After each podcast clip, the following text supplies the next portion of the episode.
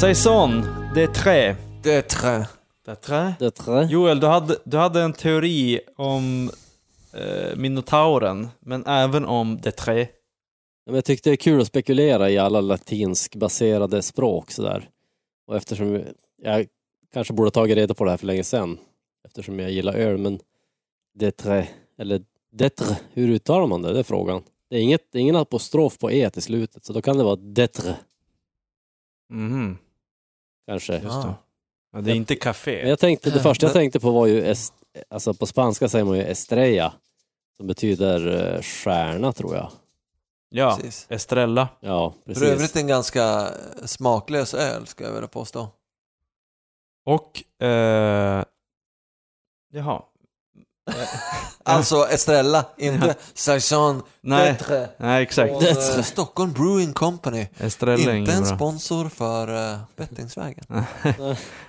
Eh, nej, men vad heter det här bryggeriet från eh, eh, eh, Läkateto? Joel, Det är jag. förbannat, Lappland. Ja, Bryggeriet. Nausta, eller? Nausta. Det är ju stjärna på samiska. Jaha. Eller hur Joel? Ja, så kanske det är. Jag tror vi, det känns som att vi har pratat om det förr. Jag är ganska säker på att det var så. Ja. Välkomna till bettingsvägen hörni. Eh, jo, välkommen till Bättringsvägen. Eh, lördag style. Ja. Eller hur? Eh, kom vi fram till vad detré betydde? Nej men jag tänkte om man, eh, om man, om man vet det här då kan man ju mejla in till, Ja, vi ska inte googla. kan man ju mejla till bettingsvägen. Exakt. Och då mejlar man till Kontakt at podcast.se podcast med K. Yes. Bra. Sweet. Får vi se om någon lyckas komma fram till detré. Det är frågan. Mm. Det är Ja. frågan. Och varför pratar vi om detré? Det är för att det är lördagskänsla i podden och vi sitter och dricker öl. Mm. Eh, från Saison Detré från Stockholm Brewing Company. Precis. En ganska, ehm, vad ska man säga? Jag tror inte att den är så jättetrogen. Eh, Det kanske är det som är saison d'être. Alltså det är inte så mycket liksom fläderblom och syra och allt det här liksom. Som man är van vid. Nej, jag tyckte att den var inte riktigt som... Det är som Alltså- en torr ale skulle jag säga. Ja, Mm. det var inte riktigt den här uh, Saison-känslan. Nej. Ja, kanske, kanske vi kom närmare oss sanningen. Mm. Och Mm. vi körde ju Saison för att få lite vårkänsla. Ja, Även fast det var det är regnigt nu, men... Vi kan ju... Sol inne. sol ute, sol i, inne. Vad är det? Sol, Sol i i sinne. hjärta, sol i sinne. Är det så? Sol där jävla- solen i aldrig skiner eftersom vi är nakna. exakt. Ja, just det. Joel, har du något i glaset? Mm. Jag har eh, nästan, det är nästan samma höll jag på att säga. Ska Brewing Company. Oh. Det är inte Stockholm Brewing Company men det är en True Blonde Ale. oh, Just det är den där med ögat på burken va? Precis. Aj, aj, aj. Riktigt eh, somrig öl det också. Kan man Härligt. säga. Eh, lite så här honungston i den här. Ja. Vilket ju är trevligt. När man sitter Eh. naken med två andra karar. Ja. nu har jag, Jag har ju- påpekat nog många gånger att jag är naken. Ja, jag har ju eh, funderat på att köpa den där, men jag, när det står så här, vad, vad heter den? Natural Blonde? Ja. True Blonde. Joel, nej, True Blonde, är du, Joel, du är väl natural, naturligt blond? Ja, jag är True Albino nästan. Så blond, så blond är jag. Ja. Men, Men, eh, Vad heter det? När jag var på, på badhuset, eftersom jag var och bada. När man är och simma, då är Mm. man i simhallen. Men när man är och bada, alltså hoppa och göra bomben Mm. och så här, då är man på badhuset. Det kan aha, ju vara samma på ställe. och i. Det. Ofta ibland när jag, säger, när jag kommer och ska simma, då har jag med mig min simmössa. just Eller är det. det en badmössa? Oklart. Beror Då. Då brukar de säga så här. Eh, ja, eh, ska du bada? Nej, brukar jag svara, jag ska simma. Mm. och så kost, kostar det ändå 70 spänn. Ja. Men eh, det var inte det jag tänkte, det här var en liten side-note. Utan när, då, när jag klev in i bastun, då satt en, eh, satt en man där och eh, mediterade med slutna ögon I bastun. i bastun. Natchen. I en, natchen, i en ganska imponerande lotusställning skulle jag vilja påstå. Jaha. Okej. Eh, och det var ju väl, eh, det var väl, eh, det var väl ett högst ovanligt beteende skulle jag påstå. Ja, det, var, det skulle vara en fantastisk, eller inte fantastisk, men det skulle vara en överraskning i alla fall ja. att stöta på detta i en bastu. Men Det låter ju för mig som att det är ju verkligen en utmaning att kunna slappna av när man sitter naken i en bastu bland främmande människor. Liksom. Det, han kanske har en egen podd där han har utmaningar. Så han och så på två andra killar på två andra badhus gör samma sak. ja. ja, exakt. Vad- Annars brukar, ibland brukar det stå så här, här inne bastar vi, allt annat gör vi där hemma. Ja, okej. Den lappen har jag sett, det är ganska skönt. Alltså, Man vill inte, man vill, det är väl så att folk vill inte när de öppnar dörren dit in och så möts de av en syn som om Mm. någon liksom är, håller på att stretcha baksida lår. Ja, fast jag, Liksom. jag, jag, tror att, jag tror att det där är, det där är familjeversionen. ja. Eller det Jag, bara, jag har ju hört att det har varit alltså, eh, herrklubbar, bastuklubbar i Men bastun. är det verkligen, ja. jag tänkte mer att folk står liksom så här intimraka sig, liksom. Sådana saker. För så här, intimhygien sköt vi hemma brukar det stå ibland också. Ja. Jag Jag tänker, brukar- vad är det? Klippa naglarna eller? Jag brukar aldrig aldrig- basta på sådana där ställen, så jag vet inte. Du vet, Jag vill, jag vill försöka hålla mig borta från det där. Så mycket som Eh, möjligt. Men så, så meditation i bastu, du vet vad det finns. Frågan är om någon har poddat i en bastu någon gång. Eh, jag har ju faktiskt, det har de pratat om i Joe Rogans podcast, om att de skulle göra. Så otippat. De bara, ja, och så började de prata om så här, ja men fan då kom grejen gå sönder. Jag Bara, äh, vi hittar på något smart sätt att göra det på. Men eh, jag tror aldrig de har gjort det, så att någon gång i framtiden så kommer vi att göra det. Ja, det ser jag fram emot. Mm. Ja. Kanske riktigt nakna. Ja, innan Alltså, vi... Ja, det exakt.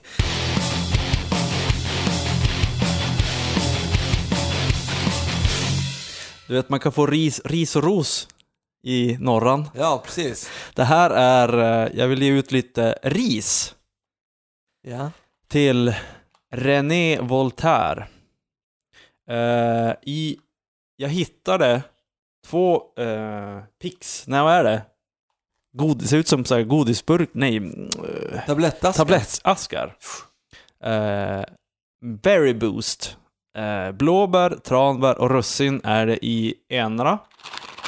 Och i den andra är det Granatäpple och russin. Yes. Då tänkte jag, ja men det här var ju, det här lät ju nyttigt och bra. Och så började jag titta på ingredienserna. Eh, för det första så är det ju 60% russin. Eh, eftersom det är det billigaste naturligtvis. Mm. Och så sen så nästa är tranbär med hallonsmak. 20%. What? Okej. Varför har du inte tranbär med tranbärssmak? Varför har du tranbär med hallonsmak i den här René? Eh, och eh, eh, det är då tranbär, socker, hallonarom och solrosolja. Och så sen så nästa ska ju då vara blåbär. Ja. Då har vi alltså fruktbitar med blåbärssmak. Ja, vad är det? Vad är det? Det är ju... Det är, ju, eh, Det är blå, blåbärs och äppelpuré, blåbärsjuice, fruktossirap, socker, risdjup, ja sen kom det andra, rismjöl, citrusfiber, kakao och smör. Eh, och jag kollar på den här eh, granatfrukt, nej vad heter det, granatbomber, granatäpple. Eh, och det var ju samma sak där. Ja. Fruktbitar med granatäpplesmak och så var det en massa skit. Alltså herregud, jag, jag hade ju fått för mig att René Voltaire skulle vara någon sorts så här. Alltså, Men det är ett, väl så här raw ett och nytt- eh, air, eh, ekologiskt och sådär. Ja. Det känns, Ja, det känns som att det ska- ska vara supernyttigt. Ja exakt, men det är ju bara bullshit. Ja. Just den här är ju bullshit. Ja. Liksom. Här har de väl hoppat på någonting bara för att liksom bredda lite grann sin line. Ja För att finnas med i Jag de hade här. glömt Ja, det, men liksom då, den där har jag faktiskt köpt själv en gång i tiden. Ja okej. Och då åt jag, Ja. ett, jag öppnade typ ett paket av varje smak. Och Mm. sen när man åt dem så här, bara, fan konstigt, det smakar inte som så här vanlig torkad frukt. och så började jag läsa och det, man blev ju chockad. Precis, Ja. jag förstår att du vill utdela ett ris. Jag kan, Ja. jag kan väl så här retroaktivt bidra till det riset kan jag känna. Ja, det är bra. Nu ska vi inte döma René på alla hennes produkter, men de här Berry Boost kan vi, de kastar vi i Soptunnan! Soptunnan. Japp.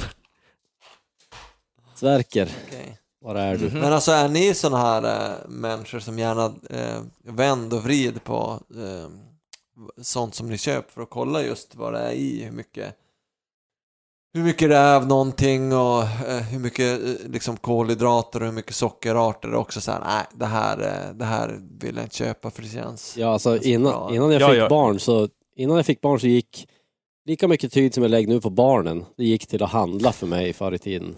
Så att jag läste på allt. Men det har man som gett upp nu när man, när man inte har energi att leva ens. Så att eh, Eh, nu, nu går man på ja. gammal så här, det man har läst en gång i tiden. Så alltså, gissar man sig fram lite grann. Ja, jag, eh, du behöver ju som bara läsa en gång och försöka komma ihåg att Mm. ajabaja, Ja. det där ska man inte köpa. Precis, man får ju som en, Och- en smiley eller en sur gubbe förknippat med varje produkt nästan sådär. Man, man, man gillar ju som Mm. människa att kategorisera saker så. Ja, exakt. mm, mm. Men jag brukar också läsa ganska, ganska noga på det mesta. Ja, jag tycker att det kan vara rätt intressant ibland, speciellt då när det gäller sådana här liksom nyttigheter och sånt. Ja, Eller- som, eller- som ska, som ska ans man, man tror ju att det här ska vara nyttigt. Ja, Nu ska jag säga att jag har inte köpt de här, men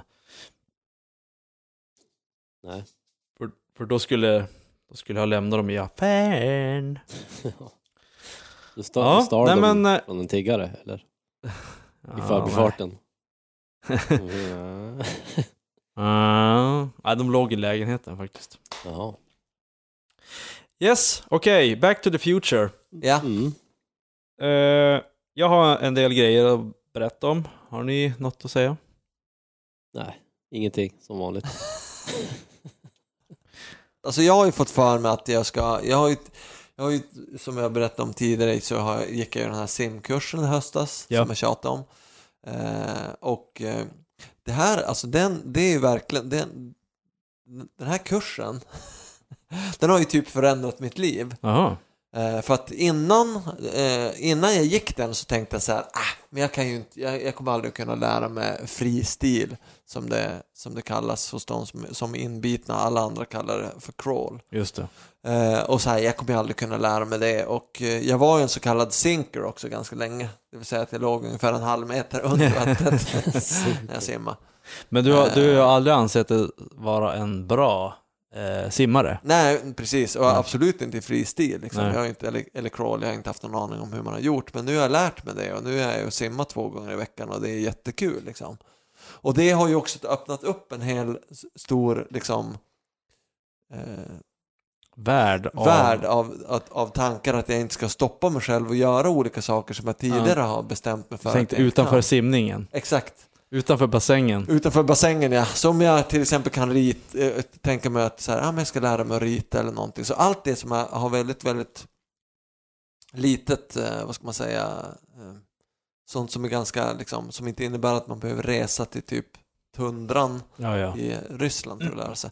Så nu har jag funderat lite grann på om jag skulle utforska min musikaliska sida lite grann. Eh, och det har jag då tänkt göra genom att köpa ett antal syntar Mm. som jag tänkt koppla ihop på olika sätt. Ja. Eh, jag har ju då upptäckt att det finns något som kallas för modulära syntar Mm.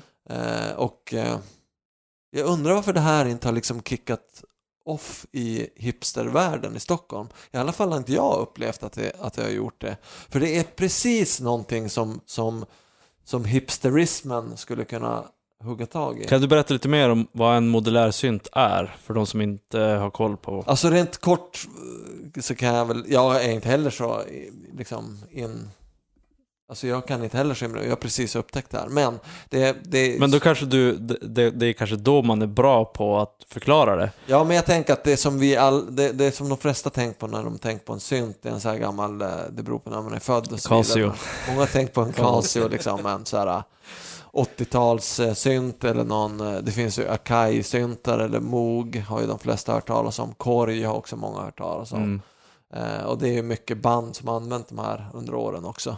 Nine Inch Nails kör ju med mycket syntar och det, ni vet alla liksom syntpopband som man har hört. Det är så ballt också för jag tycker att det här är, det är så coolt för det har ju liksom funnits eh, det har ju funnits framför en hela tiden. Liksom. Det har funnits inom så kort räckhåll det här att jag nu har tänkt utforska min musikaliska sida med synt. Ja. Eftersom begreppet har ju funnits så otroligt länge. Man växte upp på 80-talet, var du hårdrockare var du syntare. Ja, liksom. Mm. Och de här modulära syntarna, det är då, om man tänker sig en synt med liksom ett klaviatur och så är det en massa skruvrattar ovanför. Ja. Eh, Det finns en massa effekter, oscillatorer och eh, filter eh, och ja, olika, man kan mixa ljudet på olika sätt. Men en modulär synt, då plockar du ut alla grejer ur eh, sitt sammanhang och, och gör små moduler, små boxar bara av den funktionen. Av, om, du, om du säger att de har den här synten med mass, massa skruvgrejer ovanpå klavi, klaviaturen. Ja, Du tar bort skruvgrejerna ja. och tar en liten skruvgrej. Sätt den i en egen Ja. låda. Och så skruvar du Exakt. in den här lådan i, i liksom ett racksystem. Då. Mm. Ja, jag tänkte säga det här är lite grann som eh, på 80-talet när man skulle ha ett racksystem. Då skulle man ha lösa delar, du skulle ha en lös förstärkare, Exakt, förstärkardel precis. och sen CD-spelare, Det är säkert samma system. Du FM. få- Ja, radio. ja, exakt. exakt. Ja. Eh, och man behöver ju inte ens eh, ha ett eh, klaviatur till, utan man kan ju bara skicka in olika pulser då, alltså egentligen olika ehm, spänning Mm. i, eh, alltså från en oscillator till exempel. Eller en, Sågtandad eller eh, sinusvåg eller liknande. Exakt. Ja. Precis. Och då genom att modulera det här på olika sätt, genom att skicka det genom olika filter, också genom att eh, köra det genom en sequencer som är en annan sån där grej som finns i syntar som, som steppar igenom 8 eller 16 steps liksom. Mm. Eh, om du har en, eh, då en takt som går tre, fjärde, tre fjärdedels takt Ja. liksom, i, i 16 steg Mm. så kan du skruva på varje På varje steg ja. steg och få Så den. att, så att om du har, säg att du har, om vi börjar med, om vi tar fyra steg bara, att den bara kör fyra Ja. steg, så har du, du ställer in frekvensen på varje steg och att den kanske går upp i ton Precis. på ett steg och så beroende på om du spelar långsamt eller snabbt så blir det en sorts melodi kan man säga. Exakt. Och du kan ju också skicka eftersom eh, en eh, du kan skicka ljudet, en oscillator eller någonting annat kan skicka ju hela tiden. Mm. När man slår på den eller man stoppar in strömkontakten så är den så är den ju igång och då skickar den de här vågorna, alltså den här spänningen eh, skickas ju hela tiden. En- Mm. Så då kan du skicka liksom en sågtandad och en sinusvåg samtidigt Ja, just det. i två olika steg.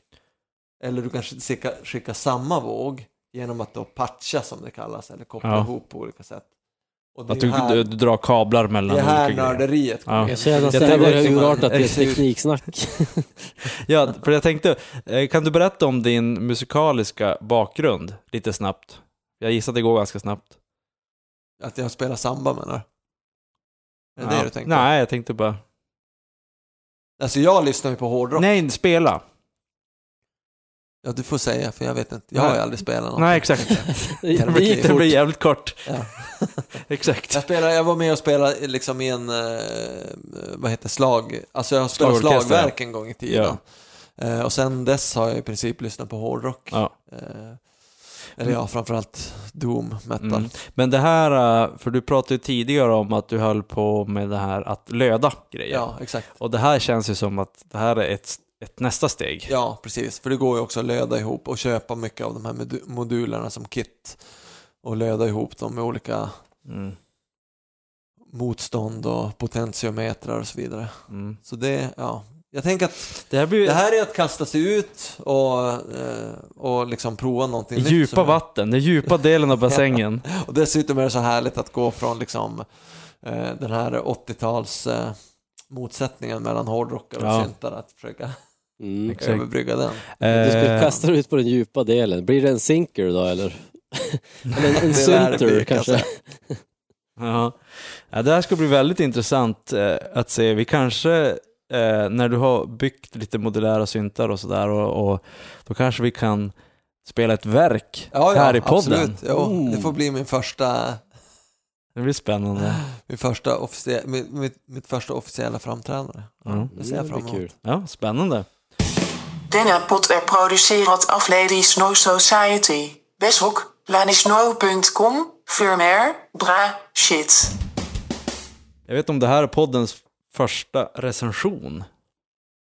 Jag har eh, sett en dokument, eh, två dokumentärer och eh, en bok som alla har ehm, röda tråden kommer att, eller det, alla de här kommer att, alla recensioner som vi kommer göra kommer att i slutändan hamna i samma vågskål. Ja. Eh, och den första Spännande. den första eh, bok, eller en bok som jag läst som heter Sapiens. Eh, nu minns jag inte vad han heter, men jag tror att du vet vad han heter. Uh, Yuval Noah Harari. Exakt. Ja. Ja. Vi snackade om det tidigare i podden tror jag. Ja. eller så var det off mic. Off-podd. Off podd. Eh, I alla fall så har jag läst boken. Det handlar om eh, människans utveckling från eh, de första eh, människorna som gick på två ben, eller till och med, till, till och med före, från apor och framåt tills var vi är idag. Eh, boken eh, försöker förklara vad det finns för olika teorier om man har lyssnat på Dan Carlins Hardcore History, som jag för övrigt kan rekommendera till alla som är lite intresserade av historia. Eh, de har, de har liknande grej i den här Sapiens och i Dan Carlin. Det är att Dan Carlin, det han säger då att han är inte historiker, så han behöver inte ha någon häst med i gamet. Eh, för om du är en historiker, då måste du lägga fram en teori och förklara varför det är så här, bla bla bla bla. Mm. Och sen så ska du tjäna pengar på din teori och skriva bok och sånt där. Men det han gör, han tar flera olika teorier och berättar att ja, eh, den här killen har skrivit så här om när Caesar blev eh, stucken i ryggen och sånt där. Och den här killen har skrivit så här. Så han berättar lite olika historier, Mm.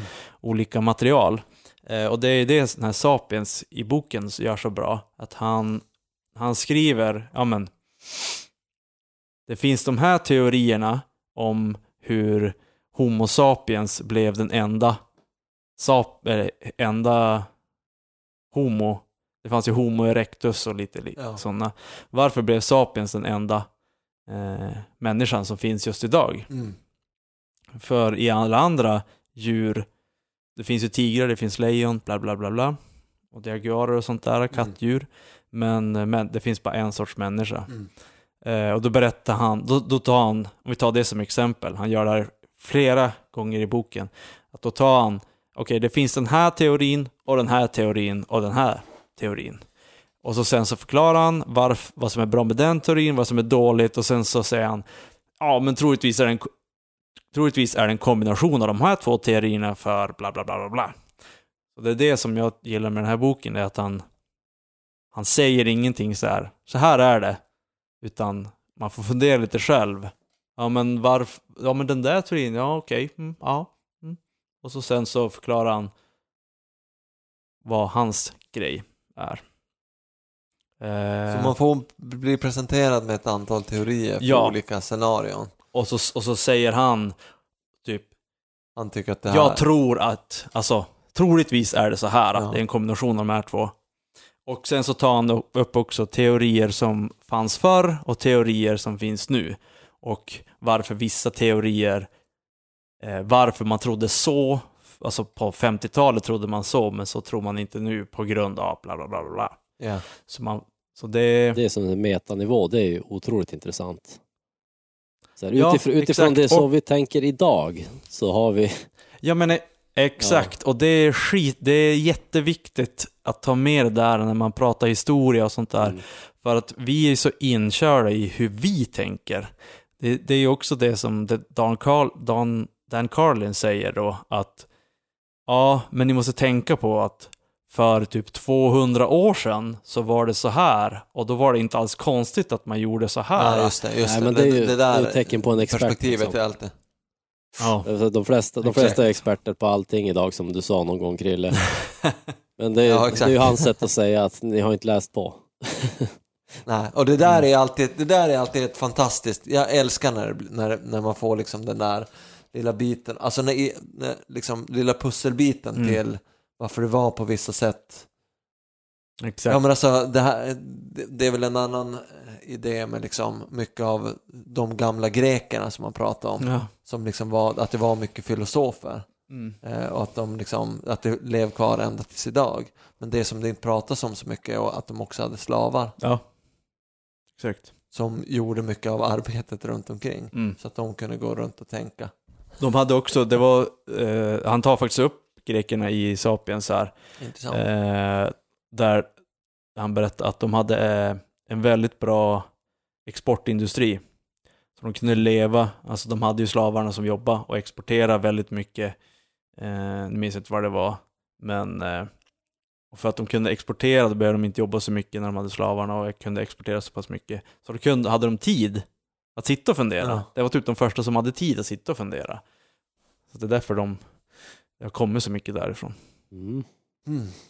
Men, jag, vill eh, bara, jag vill bara flika in att han, Yuval Noah Harari, är, eh, han är professor i historia eh, från Israel och han är född 1976 så han är 42 i år då. Och har skrivit de här två böckerna. Det kom en eh, förra året också som heter Homo Deus som också fick ganska mycket svallvågor i, i liksom ja, internationellt för att Mm. det var liksom en uppföljare. Lite så här när man har skrivit en sån här bok som, som Sapiens Som blev pratade om succé. som typ. blev stor succé så är det väl lite ofta ungefär som folk som gör musik att så här ska han kunna skriva Ja, just det. och så vart det ungefär samma sak med, med nästa bok Ja. där, så att eh, det verkar vara en väldigt spännande person och jag har hört Mm. någon eh, jag har hört några intervjuer med han också, verkar liksom riktigt, riktigt skärpt och Mm. ibland så dyker det upp sådana där människor som, som, eh, som bara, jag vet inte, kanaliserar något, har ett annat sätt att tänka, har liksom lyckats. Och, kan, och, och så det, det som vi pratade om tidigare i den här med, meditationspodden, som kan presentera det Just. på ett bra och eh, ett bra sätt. För det, det som jag tycker är så jäkla bra, det är att han predikar ingenting i den här boken. Okej. Eh, Jag blir så sugen på att läsa den alltså. Det, jag måste, det kommer bli, det får bli sommarens eh, uppdrag Ja, helt enkelt. Ja, Exakt. jag är med på det. eh, jag, eh, jag, kan, jag kan starkt rekommendera, rekommendera den här boken. Eh, om, det, om det är en bok som jag tycker att borde vara ett standard i gymnasiet, att man ska läsa så är den här. Den, den är så pass, alltså den är så bra. Oj, oj, oj. Spoken like a true expert. Nej, den är riktigt bra. Eh, sen har jag sett en dokumentär som heter The Swedish Theory of Love. Som handlar om eh, politiken på 70-talet med Olof Palme i spetsen. När de skulle bygga de här miljon, eh, Programmet. miljonprogrammen. Eh, och där de skulle bygga en politik så att en in, som är baserad på individen istället för eh, familjen. Mm. Så att en, varje individ skulle klara sig Jag själv. har bara inflikat att jag har Eh. sett den där dokumentären Ja, för något år sedan. Jag eh, tyckte den var mycket, mycket Okej, intressant också. ja. Det de vis, det, eh, en grej som var väldigt viktig, eller som man kan berätta snabbt här i recensionen, det är att eh, de visar ett diagram på hur mycket eh, individen mot familjen, alltså hur mycket baserat på individen mot familjen. Mm. Och Sverige och Japan låg längst mot individdelen, så att säga.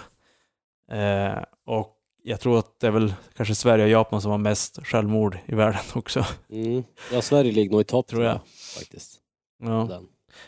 Eh, det var en del i den här dokumentären, så jag, jag, alltså jag blev så deprimerad när jag såg den här do- dokumentären. Jag var tvungen att dela upp den på tre, tre sittningar. Mm. Eh, en gång så jag såg 15 minuter och bara, nej det här går inte, jag klarar inte av det. jag måste gå, Vad, var det som var? Du får, du får Eh, berätta det, det var någonting med, jag ska inte spoila allt för mycket, men det var lite självmord och lite så här, äh, väldigt mycket ensamhet. Äldre män som tog självmord hemma Mm. i lägenheten själv. Och ingen som märkte på typ väldigt länge. Mm. Eh, eh, men Joel, vad, vad tyckte du om dokumentären? Alltså, nu minns ju inte jag innehållet så färskt som du gör, men, men det Nej. jag tyckte var intressant var hur det har vänt liksom sen innan det så att säga. När man hade mer familjefokus och till Ja. att vi ska bli liksom superindividualister. Och man- man fick ju verkligen se liksom baksidan med det också.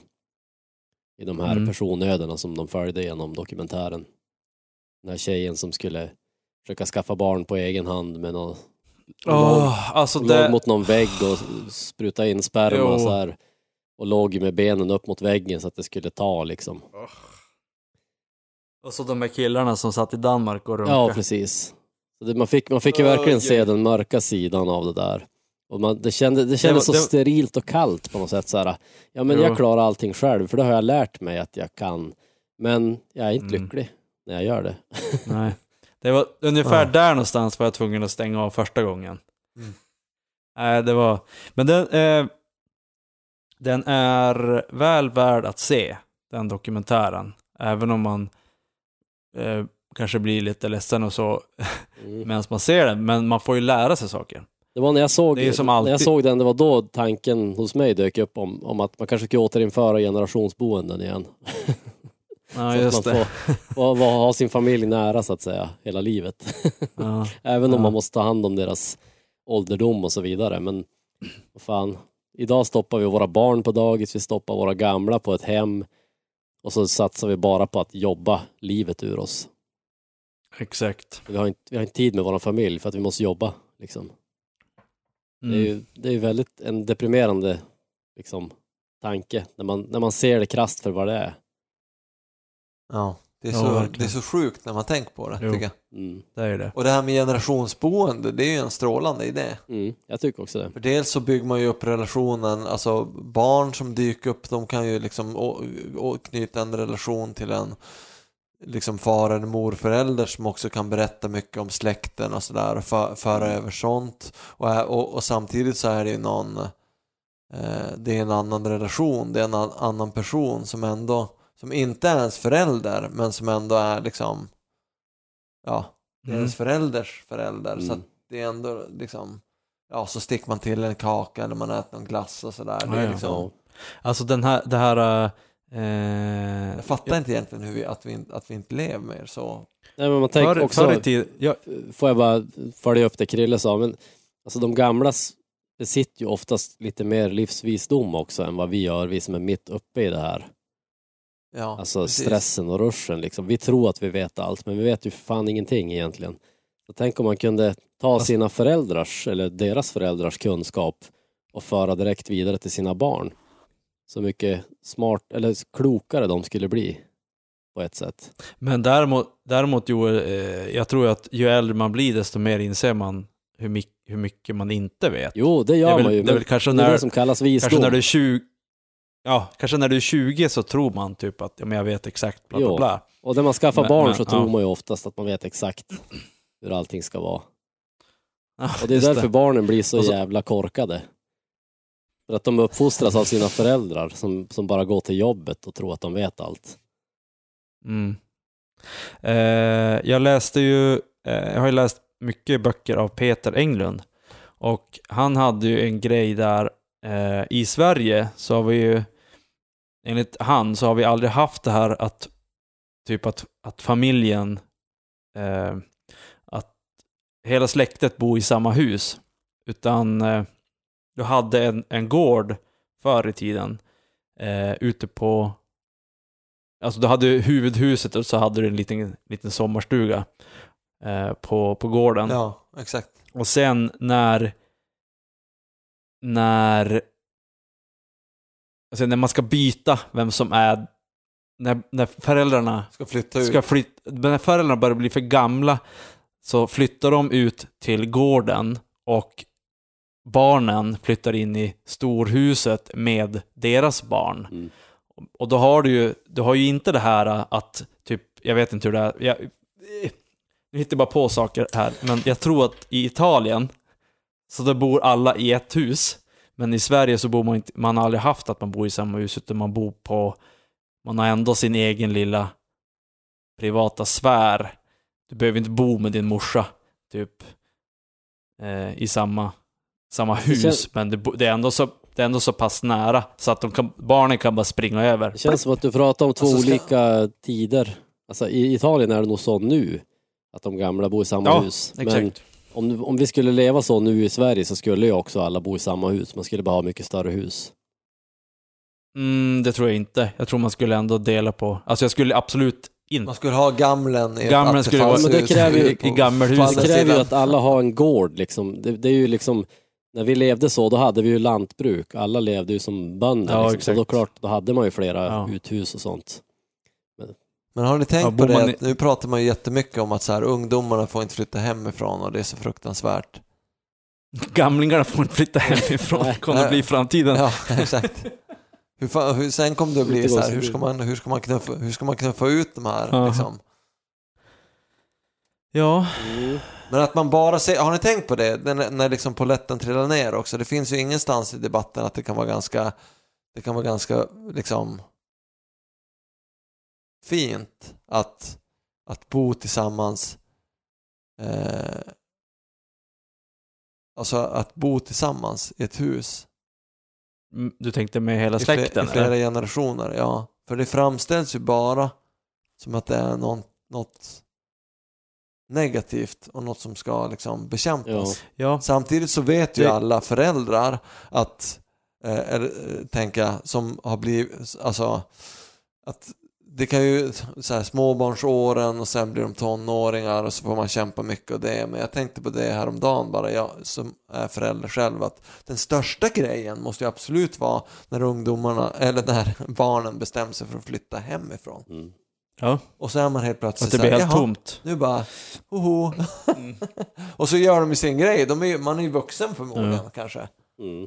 Eh, Men- och, och man pratar bara om det här som någonting, ja, att man, det, det är så trångbott och man kan inte flytta hemifrån. Och det är klart också, det är kanske jobbigt att dra hem en pojke eller flickvän när man liksom bor i en liten trea och ja, och så vidare. Ja, Det finns ju massa nackdelar med det också. ja så, så, men, men jag, för jag funderade lite grann på det där efter jag såg den här Swedish, Swedish Theory of Love. Men man är ju så indoktrinerad i den här individgrejen, har jag, har jag ju som fatta efter den här dokumentären. Men jag skulle ha väldiga problem med att, att inte, att, alltså att bo med någon annan, mina föräldrar, i samma hus. Hela ditt liv. Ja. Fast Man gjorde i och för sig det i bondesamhället, tänker jag. Mm.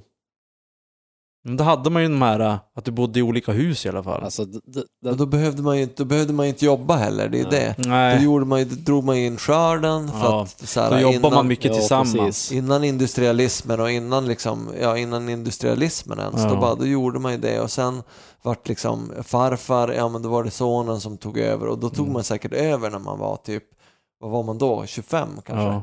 För, ja, för grejen är ju så här, när, när blir det, vem bestämmer, alltså från du och din farsa, ja men din farsa säger så här, nu ska du gå och lägga dig. Nu ska du äta, nu ska Ja. du bla bla, nu är du liten. När någonstans blir det så här att när man bor i samma hus, när blir, alltså det kommer att bli en så här fight. I, så, om vi tar Italien, om man ser så här filmer, det, det är alltid så här fight mellan sonen och farsan om vem som ska bestämma i hemmet när han Ja. börjar bli Ja, jättegammal. men det är ju the, the coming of age, alltså att du, att du blir en Ja. man så Jo. att säga. Ja, men när du bor i, om du skulle bo i samma hus som din farsa, han vill ju vara kung så länge som möjligt. Så du får vänta typ till du är 50 innan du blir kung. Jag, jag skulle Eller- säga att det, det, Ja, det blir, jo. när du får egna barn, då blir du kungen. För att, eh, alltså, Är det så? tan- den här tanken Ja. skulle aldrig ha dykt upp i mitt huvud om jag inte hade egna barn. Så kan jag säga. För då skulle jag ha känt mig som barnet. Förstår du vad jag menar? Ja, för Ja, sig. det, ja, det kanske är så. För då är man ja, den yngsta liksom, Mm. generationen. Och då blir Ja. det automatiskt att man blir eh, ja, lite lägre i status också på något sätt. Man får bestämma mindre. Ja. Men sen när man får egna barn är- så blir det liksom, ja, då blir ju föräldrarna mera hjälp att ta hand om barnen. Sam, Ja. samtidigt idag så trycks ju vuxenheten framåt väldigt mycket i ålder liksom. Mm. Mm.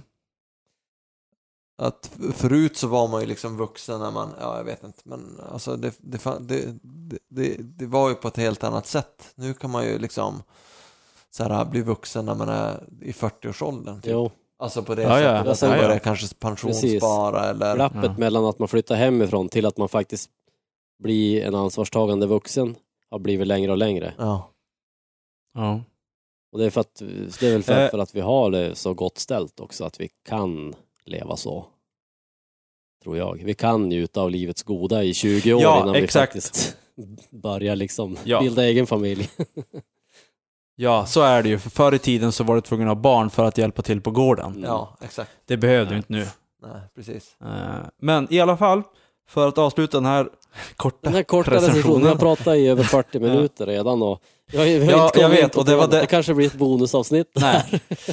Ja, exakt. Och det var det här som jag var rädd för. Men nu är det redan kört. Det var det här, jag, det, var det här, för, det här jag snackade om för. Eh, Men nu, nu skiter vi i Ja, det. avsluta så går jag och hämtar till Eh. öl eftersom det redan är kört. Ja. Eh, Men i alla fall, den här dokumentären, The Swedish Theory of Love, kan jag starkt rekommendera. Jag kan inte se att det är någon person som inte bor i Sverige som inte behöver se den. För det... Man, man börjar fundera lite grann på saker och ting. Mm. Eh, och den avslutas med en gammal polsk gubbe som pratar om en grej som jag ska berätta lite grann om sen. Oj. Ja, skulle du gå, hem- skulle du gå och hämta öl Joel? pa- ölhämtningspaus. Här skulle jag vilja lägga in jingeln Ja. från uh, Seinfeld. Mm. Jag har, ja, men jag har ju, jag kan ju lägga in mina basgrejer. Ja, exakt, som jag det var det jag tänkte. Ja, men det kan jag. Eh, jag såg en dokumentär eh, som är uppdelad i två filmer. Så det är ganska mycket, mycket tid att lägga på. Men jag, tyckte att, jag tycker att det är värt att lägga ner tiden på det här. Eh, är det någon som vet vem Gary Shandling är? Åh, det låter så Nej. bekant. Gary Mm. Shandling. Ja. Men säg det så vi slipper Nej. ha dödtid. och tänka. ja, det är en ståuppkomiker.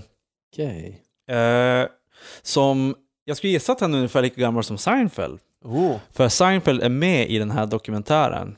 Eh, Gary Shandling dog ganska nyss av cancer skulle jag gissa, eller något sånt där dumt. Eh, ha- och det var inte så att han tog självmord eller någonting så, men han dog av en sjukdom. Eh, och han hade skrivit dagböcker. Mm. Eh, typ, han hade hur många dagböcker som helst. För i början av dokumentären så öppnar han en typ koffert och så visar han bara, här, när jag dör, jag tror han säger typ, när jag dör så här, då, kommer du, då får du mina, mina eh, dagböcker.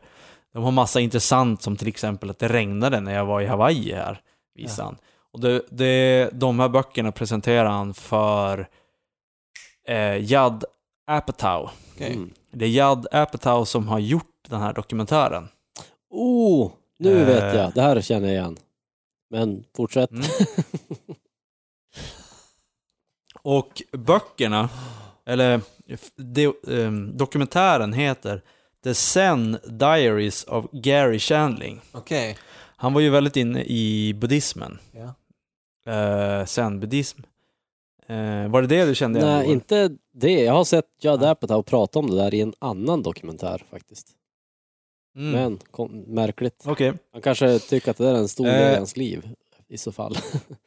Ja, ja, för jag tror att de var väldigt bra kompisar. Mm. Eh, och jag kan, jag kan säga att Gary Shandling, när jag såg den här dokumentären så var det som att det är som att man, man halvt känner igen han. Det är som att han har alltid funnits där som ståuppkomiker, men lite så här utanför framen. Det är som att vi är lite för unga för att veta vem det är. Eh, de visade, han hade två stycken, han hade två stycken eh, sitcoms. Eh, som de visar lite delar av i den här dokumentären och pratar om. Och de här sitcomsarna, de verkar vara alltså sjukt ny, nyskapande. Om, om någon skulle göra de här nu, skulle de vara nyskapande. Jaha. Jag fick som en chock när jag såg dem. Ja, men alltså, det var helt, helt otroligt. Ehm, Mm. Exakt. Eh, och det, det, som, det är ju baserat då på hans dagböcker. Eh, och han är ju, han är ju ståuppkomiker och han, han har han har ju lite det här med, hans morsa var väldigt kontrollerad, kontrollerande när han var liten. Och hans brorsa dog när han var liten. Och hela det här grejen har följt med han i hela livet. Och han skriver så sjukt mycket om, om det i dagböckerna. Och, och att han då var en kämpande komiker som skulle lyckas med, med sin, sin konst. Alltså stå upp och sen, eh, ja, och så sen var det lite om kärlek och sånt där. Eh, riktigt, riktigt bra dokumentär. Eh, jag Det förstår... låter som att du blev, du blev verkligen liksom, som man kan bli, man bara, man sitter och gapar typ och sen Ja, alltså jag förstör vart hel, jag förstör, jag liksom, förstör en hel nattsömn på grund av den här dokumentären. Jag bara, nej men, nu går jag vi ska, all jag, in nu, går jag, nu ska jag gå och lägga mig. Eh, jag ska bara se tio minuter av den här. Äh, jag ser alltihopa. Två timmar senare så bara, fan. Eh, jag såg båda dokumentärerna på en kväll. Eh, riktigt bra. Eh, jag kände igen mig väldigt mycket i den här dokumentären. Mm. Eh, så det kan jag rekommendera. Och det som, det som är alla med den röda tråden med de här dokumentärerna, Sapiens, The Sand Diaries of Gary Shandling och The Swedish Theory of Love, är att alla de här har en liten del av vad gör en människa lycklig. Ah. Eh, för att den här eh, Gary Shandling har ju letat efter lycka typ hela sitt liv. Mm. Han skriver väldigt mycket om det och hur, hur han ska tänka och sånt där. Och eh, eh, den här eh, gamla polska gubben i slutet pratar om vad är det som gör en människa lycklig. Och i Sapiens så pratar han, i slutet av boken så är, pratar han om lycka. Vad är det som, vad är det som gör en, en person lycka? Och jag ska inte spoila någonting för jag tycker att det här är någonting som man ska få eh, läsa och fundera på själv. Det, jag förstör ju som hela grejen om jag skulle berätta vad den här polska gubben sa och vad Sapiens och Gary Shandling och allt. Så eh, titta på de här grejerna och läs boken och sånt och fundera själv. Så riktigt blir du bra som grejer. Niklas. Men, vad, fick, men vad, fick- vad fick du för tankar då kring, alltså hur påverkade ditt sätt att se på din egen lycka och sådär? Det kan du väl ändå, det kan Ja, väl det känns ju som av utan att spoila, godisen i pappret som vi just har vecklat upp som vi vill höra nu. Vi vill smaka på den där godisen. Ja, eh, jag har ju lyssnat och läst en mis- massa annat där liknande grejer tas upp. Och det är ju det här med individ och familj, alltså att inte sitta ensam själv i en lägenhet och ruttna bort, Mm. utan att eh, det, som är, det, det som är viktigt är ju mänsklig kontakt eh, och att ha i, jag tror att det var i, nu blandade ihop alla, men jag tror att det var Sapiens som, som sa, sa att om du är gift och har ett lyckligt äktenskap, men du är fattig, så är du mer lycklig än om du är jätterik, men har ett dåligt äktenskap. Mm. Eh, Ja. så, och alla de här, eh, alla de här Sapiens och alla de här, eh, och, man, och, det blir ju som en kombo av allt det här. Om man lyssnar och ser på det här ungefär samtidigt så blir det som en virvelvind. Ja, en har hamnat- tornado av... Du har hamnat i någon sorts ackumulerad tanke om av alla de här har gett dig samtidigt. Ja, exakt. Och de tar det från olika, jag tar det, det blir som olika, en ståuppkomiker tillsammans med en eh, svensk polit. Ja. ja, från Israel. Ja. Och så sen har vi svensk politik från 70-talet. Alla de grejerna, helt olika grejer, men egentligen är det, de har kommit fram till samma sak. Det är som någon universal sanning. Du får sälja in den här idén till spanarna i, i P1. Ja. De jobbar väl på det här sättet. Det låter Precis. jätte, alltså verkligen eh, fascinerande liksom. Att hitta de här olika trådarna och, Ja. och liksom koppla ihop det. Mm. Du kan se om vi kan göra en, Nej, det, Och vi kan göra en inspirerande. kupp och bara byta ut det här avsnittet mot nästa Spanarna. Se om, se om någon märker någonting. Exakt. Vi får, hack, vi får hacka in oss hos, eh, på Ja. SR. Ja, men det tror jag. I Nej, men det deras, var ju, ja. Just det där du sa nu, det känns som att det sålde in eh, alla de här grejerna väldigt bra hos mig i alla fall. Mm. Alltså man blev Ja, lite mer peppad Mm. på Jag var peppad innan men nu, nu är jag riktigt taggad. Ja. Och den här Gary Shandling-dokumentären, den bara... Det var ju som bara en slump att jag hamnade på den. Jag visste inte ens vem Gary Shandling är, men ja, je- Ah. Exakt. The waves. Kosmos. The zero, Mm. vad heter det? Zero point energy field. Oj, nu... Och du, du pratade tidigare om teknikaliteter. Ja, men det här är ju, det här är ju flum. Det är ju mitt, det är mitt bräde. Zero point energy field. Det är ju Higgs-partikeln, det är ju allt sånt här, Ah, ja. flumforskning. Så här, det, så, det som finns okej. emellan partiklarna, vad är det? Vad är det för något? Mm. Ah, ja. Är, det ett, är det ett energifält som av? kopplar oss alla samman? La la la la la. Ja. Ingenting är en La, la, slump. Käka svamp. Mm. ja, nej men... Eh, Hur knyter vi ihop det här då? Det eh, säcken. den här säcken, den... Jag, jag knyter... Säcken är oknuten. är just oknuten. upp den. Jag tycker att... Jag, tyck, ja, Ja, jag tycker att den ska vara oknuten. Det, det som jag tycker... Just det här med Sapiens-killen och Dan Carlin, att det ska inte vara knutet. Det ska vara lite så här...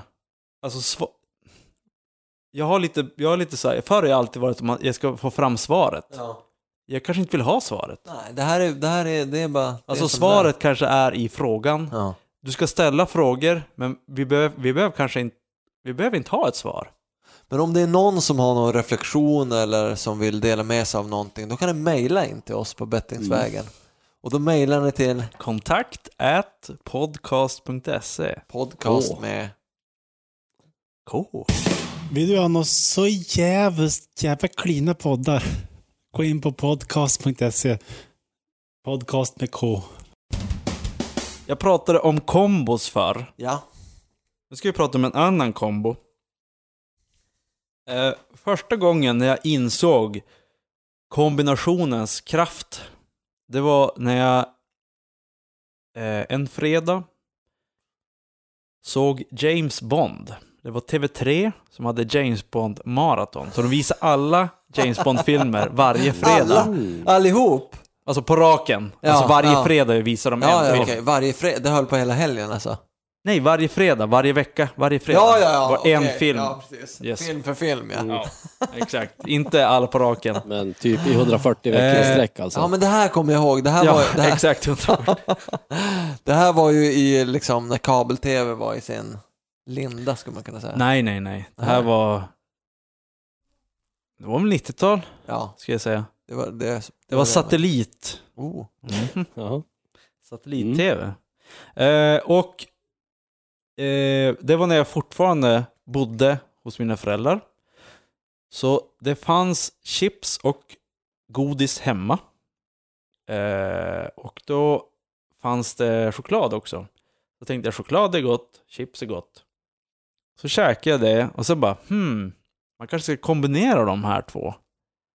Så jag kastade i några chips i munnen och så tog jag lite choklad. Och magi uppstod. och det här är ju salt och sött samtidigt. Det är ju någonting som på 80 eller 90-talet var väldigt eh, ovanligt. Men om du snackar med, eh, med smaksnobbar idag så ska jag säga att det är en kombination som går hem. Det är ju salt i allt nu för tiden. Mm. Ja. Alltså havssalt står det ju liksom. Ja. Men, men att du har salt och sött ihop. Det är Ja, ungefär ja. som blått och grönt. Det får man inte ha ihop. Men jag tyckte man kan ha det.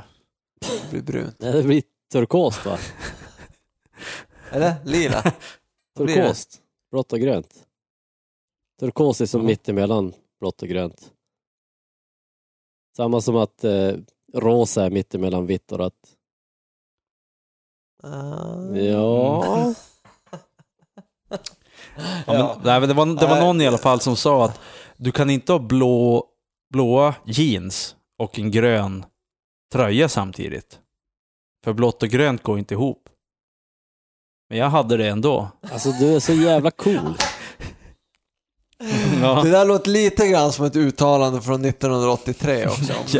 ja det kanske var så. Ja, Men det är ju mycket så, föreställningar om oss själva, de hänger ofta, ofta kvar från väldigt, väldigt långt tillbaka i tiden Ja. och är svåra att göra sig av med. Så. Men i alla fall. eh, Okej, du tog ett chips. chips Vad var det och- för chips? Var det eh, lättsaltat? nej, det var Del och nitt- gräslök. 90-tals nej, 90-tals chips. 90-tals. Sour cream and onion. Mm. Riktning? Sour cream and onion. Oh, sour cream. Alltså din föreställning om det här Nicke, den hänger kvar hos mig fortfarande. Jag minns ju första gången du berättade om det här. Med, med en glimt i ögonen och jag har fortfarande, jag har provat det men jag har fortfarande inte tyckt om det liksom. Men Det tog ju så här 20 år innan jag Du provade också. tagit dem. Ja, just det. Ja, nu, om du testar nu, då kanske Ja, du gillar det. testa. I alla fall, jag såg James Bond och käkade de här chipsen och den här chokladen. Så var jag glad i hågen. Sen nästa fredag, då var det James Bond igen. Då var det chips och choklad igen. Mhm. Kombo. Att kombinera olika saker så att du får en annan eh, grej som jag kan säga. Eh, när du går till gymmet så lyssnar du på samma musik hela tiden. Ja. Du, gör en kom, du, du gör en kombo. Du kombinerar en, en spellista eller eh, en, eh, ett album varje gång, gång du går till gymmet. Alltså, så det blir... jag jag skulle säga att Ja. det är att skapa en association. Som typ Pavlovs hundar. Som började dregla när de hörde klockan för att de alltid hörde klockan när de åt. Ja, fast det här är inte riktigt samma sak för att du, om du ser, om du går till gymmet så sätter du på musiken samtidigt. Du sätter ju inte på musiken och blir su- eller det, det kanske så kanske blir för dig, att du sätter på musiken och blir sugen att gå till gymmet. Eller? Ja, jag, jag har ju inte gjort det där. Men, men jag tänker att det skulle bli så här att okej. när du hör den där låten, då tänkte du på att gymma. Liksom.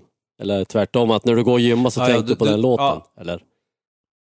Jaha, nej det, det är mer så att eh, jag vill, när jag gör gymgrejen, vill jag kombinera det med den här musiken. Eller den här ljudboken, om jag lyssnar på en ljudbok eller Ja. någonting.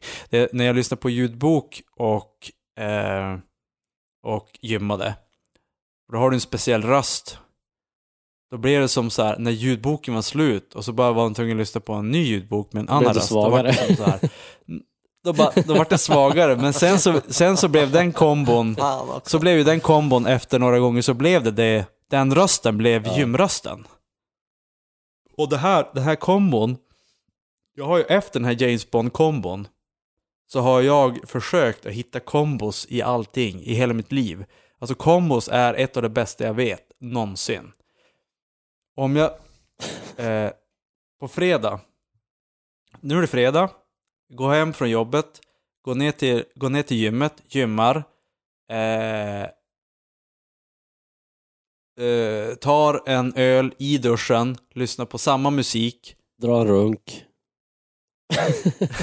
Ja, naturligtvis. Men det är varje dag. eh, just den, där kanske, där blir det som någon sorts, det var som jag pratade med en kompis igår, går var det fredag. Eh, hans kombo på fredag, det var att efter jobbet så for han ner till systemet och köpte öl. Det var han så här, okej nu är det fredag, nu är det, nu är det avslappning. Alltså att kroppen, när du gör vissa grejer tillsammans, så får kroppen en... Det blir som flera olika saker som bara ding, ding, ding, ding slår in i eh, ett pussel. Och då får kroppen en signal som gör dig antingen beroende på vilken signal du vill ha för att du har gjort den här kombon under en längre period så får du kroppen en signal som är bra. Typ antingen bra för att nu jävlar ska vi ta i Mm. på gymmet eller bra nu ska jag slappna av för det är fredag. Mm. Ja. Eh, är det någon av er som har eh, insett kombons storhet? Eller är det bara jag som, som har insett? Alltså, jag, vet, jag tänker eh, på, på mina så här eh, kombos som jag kan minnas. Alltså, för mig är det mer som, som jag sa associationer så här när jag tänker på, jag tror jag pratade om det här tidigare också, jag spelade ett visst tv-spel och kom till en viss liksom ett ställe i, på en bana eller något sånt där.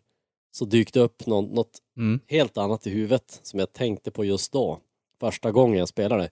Och sen, nu räckte det med att jag tänker på det spelet, på den scenen liksom i spelet, så då dykte det där andra grejen upp i huvudet också.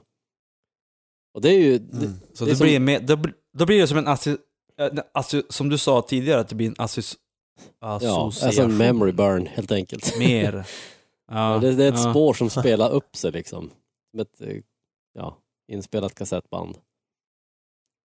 Men jag vet inte Alltså, om jag tyckte det är så jag vet magiskt. inte om jag- Alltså, det är väl mer så här, det jag tycker är magiskt det är ju att götta ner sig i nostalgi och bli alldeles så här sentimental. Det tycker jag är magiskt. Men det är ju det är kanske, kanske inte samma sak som du. Det, det som du försöker. Nej. Men jag, jag, jag hänger inte riktigt med på vad liksom... Eh, alltså för jag tänker det här med, med, med Pavlovs hundar och liksom att man blir... Eh, vad kallas det Joel? Jag, tappar, jag blankar på själva begreppet just nu. Att man blir... Eh, Eh, Med Pavlos hundar, det är att om du heller. har, om du, associ, om du, om associ, du har... om du associerar en, en låt med eh, blindhet, så blir du blind och lyssnar på den här Ja, musiken. precis. Och så för resten av livet. Ja, det var ett jättedåligt exempel men, men eh, jag tänker att det är liksom eh, om du vill gå ner på du, du, du mår bra av att alltid spela Linkin Park på fredag eftermiddag Ja, när du ska gå ner och gymma. ja. Om du alltid mår bra av det, du kör, du kör eh, vad heter det, biceps curls och Linkin, Linkin, Parks ja. första singel. ja. Eh, att det då är en kombo som gör att du mår bra och får liksom en jävligt bra fredagskänsla. Så här är det. Det är 1 plus 1 lika med 3. Så att typ... Eh, Det förhöjer. Alltså så här kaffe och choklad Ja. har ju växt på ett helt olika ställen gissar jag och har ingenting egentligen med varandra att göra. Men när man liksom förde samman de här första Exakt. gången så bara what the fuck, Vem, varför har man inte alltid liksom ätit choklad i kaffe? Ja, Mm. exakt. Ja. Det är så, fast det kan vara vad som helst. Ja, ja, ja. Det, kan vara, det kan vara någonting fysiskt, det kan vara någonting psykiskt, det kan vara film, det kan vara... Mm. Det som jag bara associerar till rent spontant sådär, om det är okej att jag Ja. delar lite, så tänker jag att eh, när man eh, om man som många gör funderar kanske på om man ska, om man ska jobba med någonting annat. Jag vet att du Niklas har liksom funderat också på vad du ska, så här, hur du ska eh, Föra livet vidare. Ja, precis. Ehm, och jag har också haft tankar, det, det har ju många tankar, hur ska, ska man jobba kvar i samma bransch eller sådär. Och det, som jag har, det som jag har lärt mig, eh, som, jag, som jag har läst mig till lite grann, det är att ett, en riktigt bra, eh, ett, ett, ett riktigt bra sätt, det skulle kunna vara att ta två saker som man tittar på alla sina grejer som man Mhm. tycker om. Vad gillar jag för någonting? Jag gillar stråkmusik och jag gillar att Gymma. gymma. Eller jag gillar lasagne och jag gillar eh, typ second hand. Ja, då kanske man liksom sätter ihop Säljer de här två. Begagnat lasagne. Ja, nej men exakt. Alltså jag tänker att Foodora har ju kommit på på det sättet. Ja, Vad ja. gillar jag för något? Ja, jag tycker om mat, jag tycker om att cykla. Ja, oj. Jag tycker om att äta ute men inte bland andra människor. Eller den här som jag har tänkt på, eh, fast det är, det är en kombination, men det är inte saker som jag tycker om. Varför finns det inte en biluthyrningsfirma med hemkörning? Där de kör hem bilen? Inte liksom, Att du måste ta det till bilen. ja Avis, exakt, typ. inte alltså eh, de här eh, Ja, Lyft eller eh, vad heter de, Uber eller någonting som tar Mm. det från punkt A till punkt B. Utan du hyr en bil från Ja. ett ställe, då behöver man åka in till stan, Ja, så ska man krångla med någon jävla skriva på, någon, automat. skriva på någon jävla papper. Och så ska man liksom hem och så ska man lasta i Ja. allt. Varför, varför kan det inte komma någon? Nästan lite så här att Med man behöver en ja. bil för att kunna hyra en bil. Det är typ som att när ditt, när Ja, ditt exakt, eh, mobilnät krånglar, då behöver du ringa från en mobil för att fixa det. Typ. Exakt. Det är fantastiskt. Ja. Här har du ju här har du faktiskt eh, gett ut en gratis eh, app-idé. Ja. Ja, nej men jag, jag delar med mig av den här idén. Ja. Jag, jag, har inte, jag har inte sett den någon annanstans Nej. faktiskt.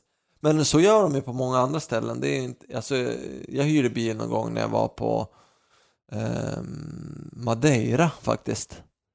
Eh, och då var det ju, då var det precis det där, då kom det en snubbe och han bara, då, vi, jag ringde och frågade, ja men hur, eh, var ska ni, var ska, för de vill att man ska skriva sin flight och så hyr man den direkt på flygplatsen. Men vi skulle bo i huvudstaden typ tre, fyra dagar och sen hyra bil och köra Ja. runt lite. Och då sa han bara, ja men eh, berätta, med, berätta er din adress här. Ja men jag kommer att bo på den här adressen, skitbra. Då kom jag dit det här och det här datumet.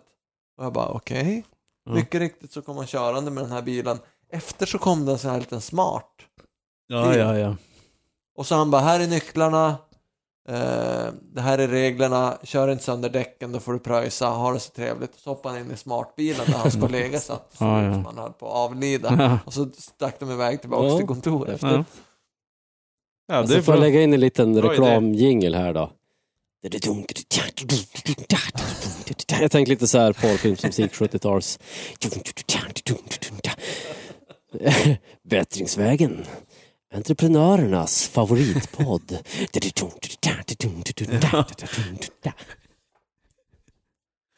Ge bort idéer gratis.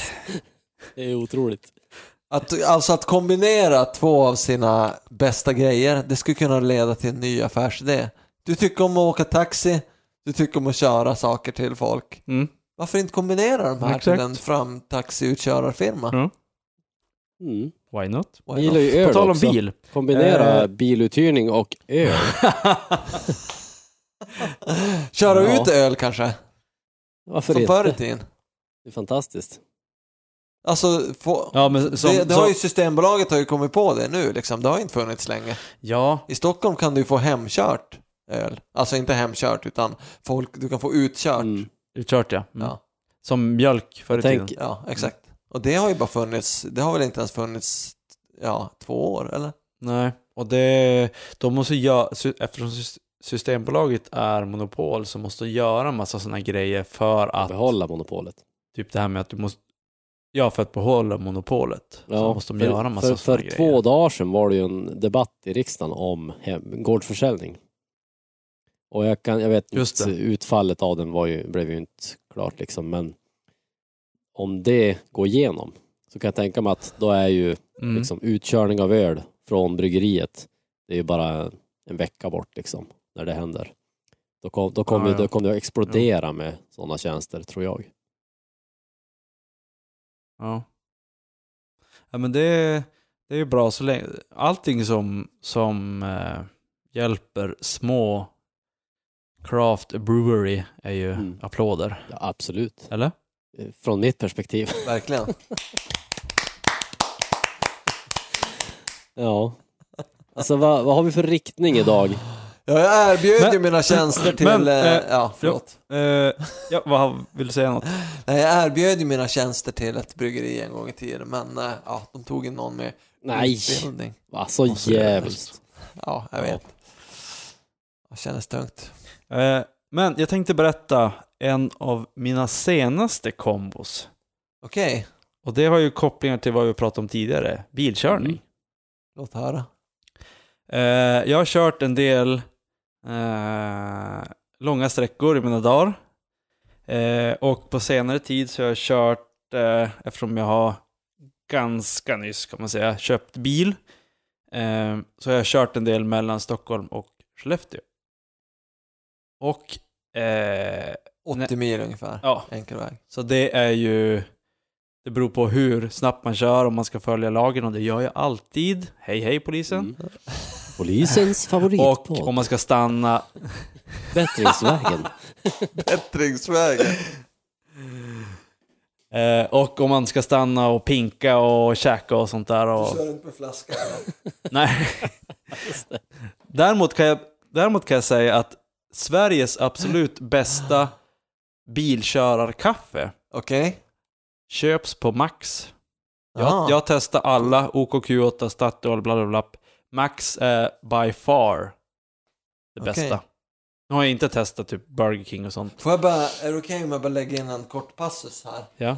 Eh, alltså kaffe i pappmugg kan ibland vara, alltså ibland känns det bara som att det är ganska sunkigt och det är så här miljöförstöring och så vidare. Men ibland finns det någonting med Mm. känslan, jag Mm. tror inte det är så mycket smaken, Nej. men det är känslan Ja. i själva pappmuggen När man, när man liksom sätter, om man tar bort det där locket och kör pappen mot, Ja, okej. då är det liksom något mot läppen. Då är det, det är något med den där känslan som gör att det, att det är så smakligt. Ja, jag håller med så jävla mycket. Har ni tänkt på det någon gång? Ja. Jag skulle säga att jag skulle kunna tänka mig att det är den här eh, du är inte riktigt ute i skogen, men du är halvvägs till skogen. Du sitter inte hemma med en kopp och du sitter inte ute i skogen och, dri- och, ha, och dricker ur en träkosa. Eh, kosa. Ah, Okej, du tänker så? du, Ja. du är papp. Det är trä, papp. Ah, det är trä. Alltså du gör ju, Ja, ja, ja, ja. precis. Ja. du är ju papp av trä.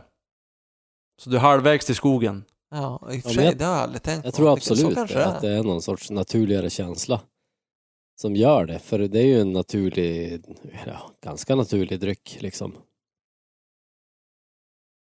Mm. Ganska basic. Lite rostade bönor. Ja. Får jag, lägga, får jag lägga in en annan eh, association till rostade bönor och Skellefteå? ja. Jag var på en spelning häromdagen och då var det en som hade en eh, hade en band, eller en t-shirt på sig, en, en, en eh, reklamtisha och då, det tyckte jag var så jävla roligt för att eh, det, det finns ju ett eh, numera, eh, sorglig, numera insomnat band eh, från Skellefteå som är totalt jävla mör, mörker eh, som spelade eh, väldigt eh, väldigt bra kängpunk av den liksom, ja, 90-talsskolan, Ja. får, man, får man väl lov att säga. Eh, och de hade en ganska, en ganska enkel logga med, med typsnittet, ja vad den heter, jag kommer inte ihåg vad det heter. Det är ju lite, de, de- deras, eh, de spelar ju helvetespunk. Ja, och det är, Det är lite åt, loggan är väl lite åt eh, metal, alltså det är den är inte som, men det är, bara, det är bara en logga som finns liksom i Word typ. Ja. Alltså en, Ja, en, ja, en men det är lite- det är lite- font, ja. exakt. Black involverat i, i typsnittet. Det är det ju. mm. Och så står det ett totalt jävla mörker. Och då var det ju nu, det finns ju ett eh, det finns ett jättetrevligt eh, kaffemärke som jag tycker att vi ska boosta lite som Ja. heter Lämmel.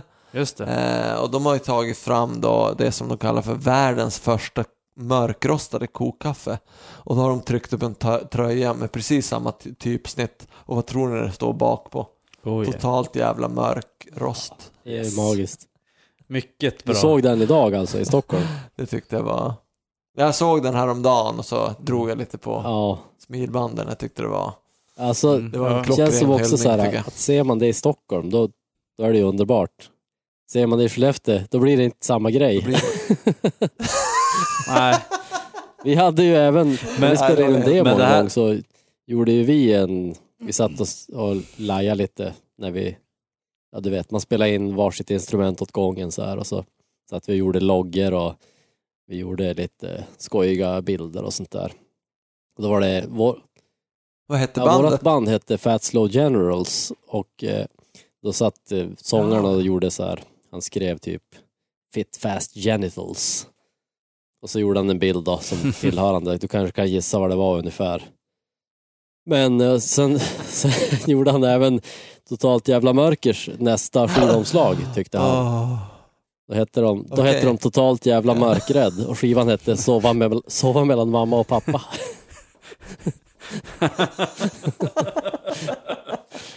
ja, det var... Ja, så bra. Åh, Det, så här, ja, man- det, finns mycket ordlekar på det där. Musikhumor. Ja. Äh, någon gång, så någon gång måste den skivan Ja, ja. Spela, spelas in. Det bandet måste finnas. Absolut. Ja, men för att, för att återgå till bilkörning, eller Ja, kombo förlåt, här. Förlåt, det var jag som drog iväg. Ja, men inga problem. Eh, det här är eh, köra iväg-podden. Man får köra iväg hur mycket man vill. Ja. Eh, ja, köra bil långa sträckor, dricka kaffe, eh, käka lite på Max också. Eh, och då har jag ju kört, när man kör själv så kan man lyssna på musik eller någonting och då har jag valt att lyssna på poddar. Och då har jag enbart lyssnat på Joe Nej. Rogans podcast. Och Vilken överraskning. vilken överraskning. Och det, det, var, det var en på jobbet som tipsade, tipsade mig om bara, ja men nu är Jordan Peterson på på Joe Rogans podcast, du måste lyssna. Jag bara, jag ska köra till, jag ska köra till Skellefteå om, om eh, tre veckor, så jag sparar den podden till när jag ska, när jag ska in i bilen. Eh, och det var som så här, det var sjukt jobbigt för jag hade, jag bara, ja men jag måste spara den här podden och Ja, hade en annan ja. podd där jag skulle spara också bara för att Full få den fokus här och- fantastiska kombon. Full fokus. För, för en sak som jag tror att andra personer också gillar med att köra bil, det jag gillar med att köra bil, det är att jag är i en liten egen bubbla. Alltså, det är ungefär samma sak som varför jag gillar att ha en gård, ett hus. Jag äger det här området, det här huset, om, har, om man har en plätt trädgård och så här. Jag äger det här, jag är kungen. Det här är mitt, mitt kungadöme. Det är samma sak när jag sitter i bilen. Jag äger den här bilen, jag sitter här, jag bestämmer i den här bilen. Jag är kungen i den här bilen. Du får lyssna på vad du vill, du får ha hur Exakt. varmt du vill. Liksom. Exakt, och det sitter andra personer kanske, du vet när man måste sitta i en bilkö så sitter de kanske fem meter bort, men de kunde lika gärna vara på andra sidan jorden. Ja. Jag är, jag är min egen lilla bubbla. Och, eh, och sen så har jag den här, köra från Stockholm till Skellefteå eller från Skellefteå till Stockholm. Och så lyssna på Joe Rogans podcast i min egen lilla bubbla, i, mitt eget lilla, i min egen lilla värld. Och dricka kaffe från Max. Den här kombon, herregud pojkar. Alltså, jag satt och, jag, det var som så här, fan, när ska jag få köra till, när, när får jag sätta mig i bilen igen och köra, eh, köra den här sträckan? Ägna en hel dag åt att bara ta in poddar, ta in massa smarta människor, vad de har att säga om världen och om mänskligheten och allting. Och sen få dricka kaffe och få vara själv Mm. och typ, oh. Det var så att jag satt och, eh, när, när jag visste att jag skulle göra den här resan så satt jag och väntade bara, åh, snart kom det, snart kom det. Vissa hatar ju att köra bil. Ja, men du har hittat, du har hittat ett, ett sätt att verkligen njuta med något som du tycker väldigt mycket Mm. om. Ja. Och, och nu är det som så här, jag vill ju typ, det var någon gång jag bara, alltså, ska jag bara köra? Jag ska egentligen inte upp till Skellefteå, men jag kanske bara ska sätta mig och köra upp och så ner. Bara för att få, vara, få, ha, få ha den här känslan av att sitta i den här bubblan, dricka kaffe och, och ta in vad smarta människor... Typ som en minisemester Det du, nästan. det du vill, Ja men exakt. För det det, du, men det du också vill dela mer av låter ju som att du, du önskar att folk utforskar det här mer hos sig själva för att liksom kunna det, både kunna, kunna göra någonting trist till någonting roligt men också för att få upp liksom ehm, få upp peppen för att, Mm. för att göra någonting överhuvudtaget Ja, oavsett exakt. vad det är liksom. ja, för att eh, den Det är här... ungefär som att gå en promenad när det precis är sånt här skärande solsken där man bara så här bara, om man blir lite lätt svettig och man bara så här känner att nu kan jag Ja. gå hur långt som Mm. helst liksom. Eller ta en promenad när det haglar. Exakt. Det är inte riktigt samma. Och så sen, Feeling eh, nu blir det svårt med hagel, men jag hade ju också igång en kombo där jag lyssnade på Tintin, alltså de här gamla ljud, eller kas, eh, kassett, Ja. eh, kassetterna med Tintin som fanns när vi var unga. Eh, de hittade som mp3 som man hade, man hade eh, Ja. kört in dem, så fick man ju ladda ner dem. Och, och då hade jag, när jag jobbade, det var jag jättelänge sedan, så varje dag hoppade jag av på en viss ställe vid bussen och sen gick jag så att man lyssnar på ett Tintin-band. Och jag gjorde det här hur länge som helst, så jag hann ju lyssna på, jag lyssnade bara på Tintin. Mm. Alltså, säg att det var, säg att det är tio stycken kassetter. Så det blir tio dagar, så det blir två veckor. Sen började jag om. Mm. Och så gjorde jag det ett halvår. Bara Tintin. Tintin, Tintin, Tintin. Det var kombo. Gå eh, och Alltså, lyssna på tänk, Tintin. Krille, du som är socialarbetare, ändå. Hur skulle du diagnostisera Nicke? Ja, det är ju en viss eh, liksom det är en viss eh, OCD-varning. Ja, skulle man kanske Alltså, jag, jag tänkte lite åt det hållet, jag, men jag, jag kan ju som inte så mycket om sådana där grejer men det är ändå så här, det, det, man ser ju ett tydligt mönster på något sätt. Men vi skapar väl väldigt mycket trygghet också, Ja. vi människor, i våra rutiner Alltså jag är ju också, jag är också rutinmänniska. Exakt. Så jag, jag, när du uttryckte så här Nicke, då började jag ju tänka så här, jag, jag har ju lyssnat på, inte poddar så många år, men under väldigt många år så har jag lyssnat på ljudböcker och liksom seminarier och sånt där som jag har typ laddat Mm. ner till mp3-spelaren eller telefon medan jag jobbar. Och det har varit som, som du säger, som du beskriver den här resan du gör liksom. Fast för mig har det varit mer på ett vardagsplan att för att typ kunna leva med att vara bara en snickare, för det är ju inte så självutvecklande om man säger så. Så har jag istället gått och Mm. matat mig med sånt hela dagarna. Och ja, väckt en massa saker liksom upp i huvudet. Och, och fått näring, Mm. själslig näring genom det liksom.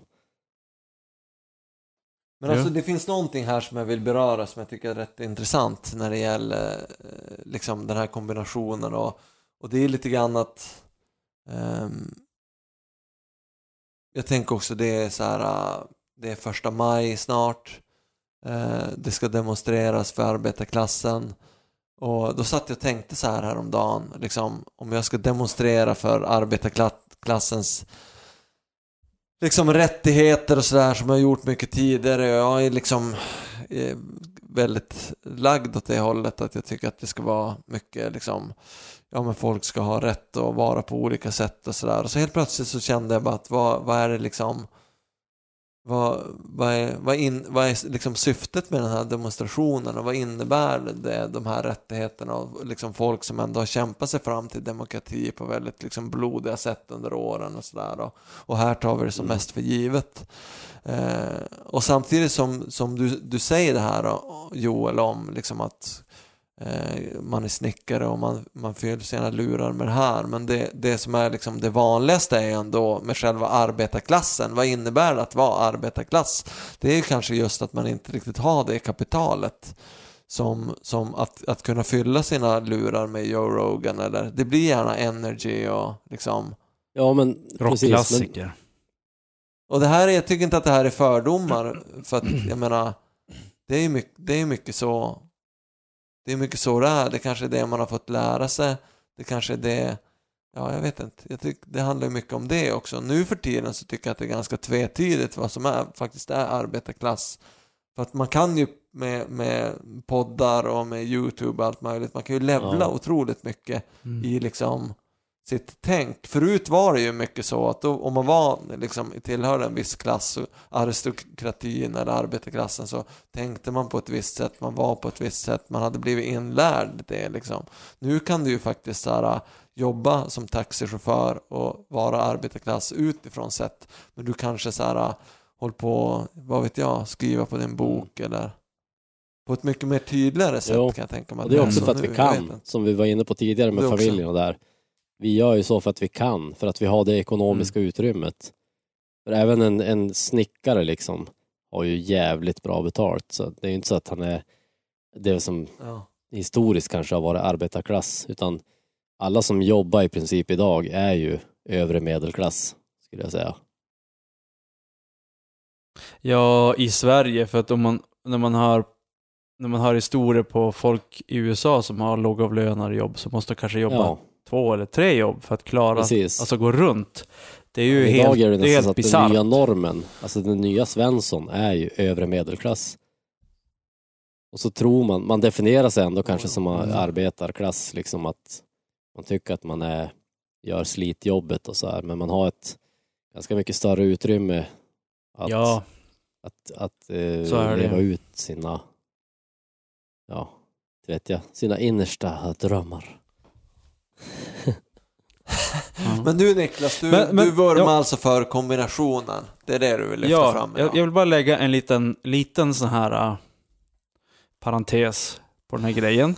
Eh, och det är vad, vad jag själv har kommit på eh, när jag har suttit och psyko... Vad heter det? Psyko, psyko, psykologisera mig själv. Psykoanal- Ja. Jag har kört analys på mig själv. Eh, en grej, Eh, eh, om vi tar bara den här bilkörningen.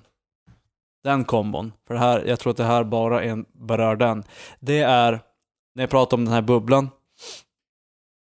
Det är att när jag sitter i bilen och, kör, och lyssnar på de här och lär mig massa nya grejer. Eh, men jag är fast i bilen. Jag är fast i bubblan hela dagen. Jag får lära mig, jag, tar, jag har tagit in massa grejer. Men jag har inget krav på att ta de här kunskaperna som jag får lä lära mig av sjukt smarta människor och göra någonting med dem. Mm. Det är ju någonting, för du sa någonting för länge sedan som jag redan pratat bort. Jo. ehm. Åh. När man är, när man är, eh, när man går till samma jobb varje dag, man har säkerheten, inte säkerheten, man har eh, Bubblan? Nej. Eller komfortzonen? Eh, komfortzonen. Ja. Eller komfort på något sätt. Ja. Alltså, eh, min komfort där, det är att jag tar in massa saker, men men jag, behöver, jag kan inte göra någonting med de här kunskaperna.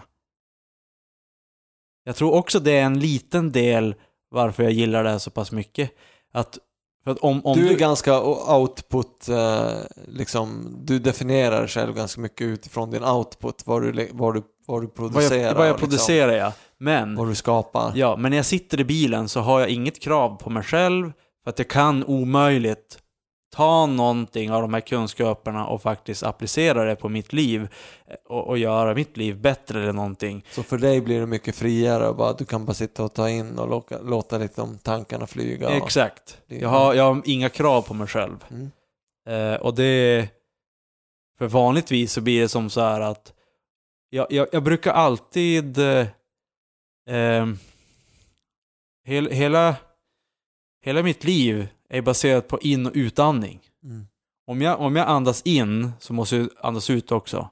Och det, om jag tar in saker så måste jag, jag måste ut med dem också. Mm. Så om jag eh, om jag ser en dokumentär eller någonting och blir så inspirerad av det, då vill jag göra någonting med det och Mm. sen producera någonting och kasta ut det. Mm. Att jag, om jag får för mycket input, då blir det som så här knas. Jag måste ut med det också. Det blir härdsmälta. Men i bilen så är jag i en egen lilla bubbla, så jag behöver inte det här. Det bara det, blir bara ett flöde så här. det är på något sätt, Ja, ja, Ja. exakt. Det blir, en liten frihet där. mycket Intressant. intressant. Ehm. Eh, ja, det var bara min Mm. psykoanalys där. Men eh, ja, det jag vill, det jag vill eh, säga med den här, det är att om ni inte har tidigare hittat kombos av någonting så kanske det är någonting som ni ska leta efter. För jag, jag har fått mycket jag har fått ut mycket av de här kombosar, kombosarna. Även om det inte är kanske att jag producerar någonting eller någonting, men jag har fått eh, stillhet i kroppen och det har gjort att eh, jag har mått bättre psykiskt och, ja, inte fysiskt, jo, på gymmet. Ja. men men det, det blir ett plus ett lika med tre, Mm. som jag sa tidigare. Jo. Okej, Mm. Kombos. Kombos. kombos. Eh, jo, jag slängde ut frågan tidigare men det, det vart lite eh, annat snack istället. Men vad, vad har vi för riktning med dagens eh, bilfärd på bättringsvägen? Eh, ja, den är väl... Jag tycker att vi har, vi har fått i oss lite maxkaffe, vi har lyssnat på lite poddar eh, och vi är redo att hoppa ut ur bilen för vi har anlänt till Är det så? Skellefteå. ja, Yes. Tack för idag. Exakt. Bra jobbat. tack Tack för trevligt samtal. Adios. Mi amigo. Nej, nu ska jag ha haft en till bärs. Jo.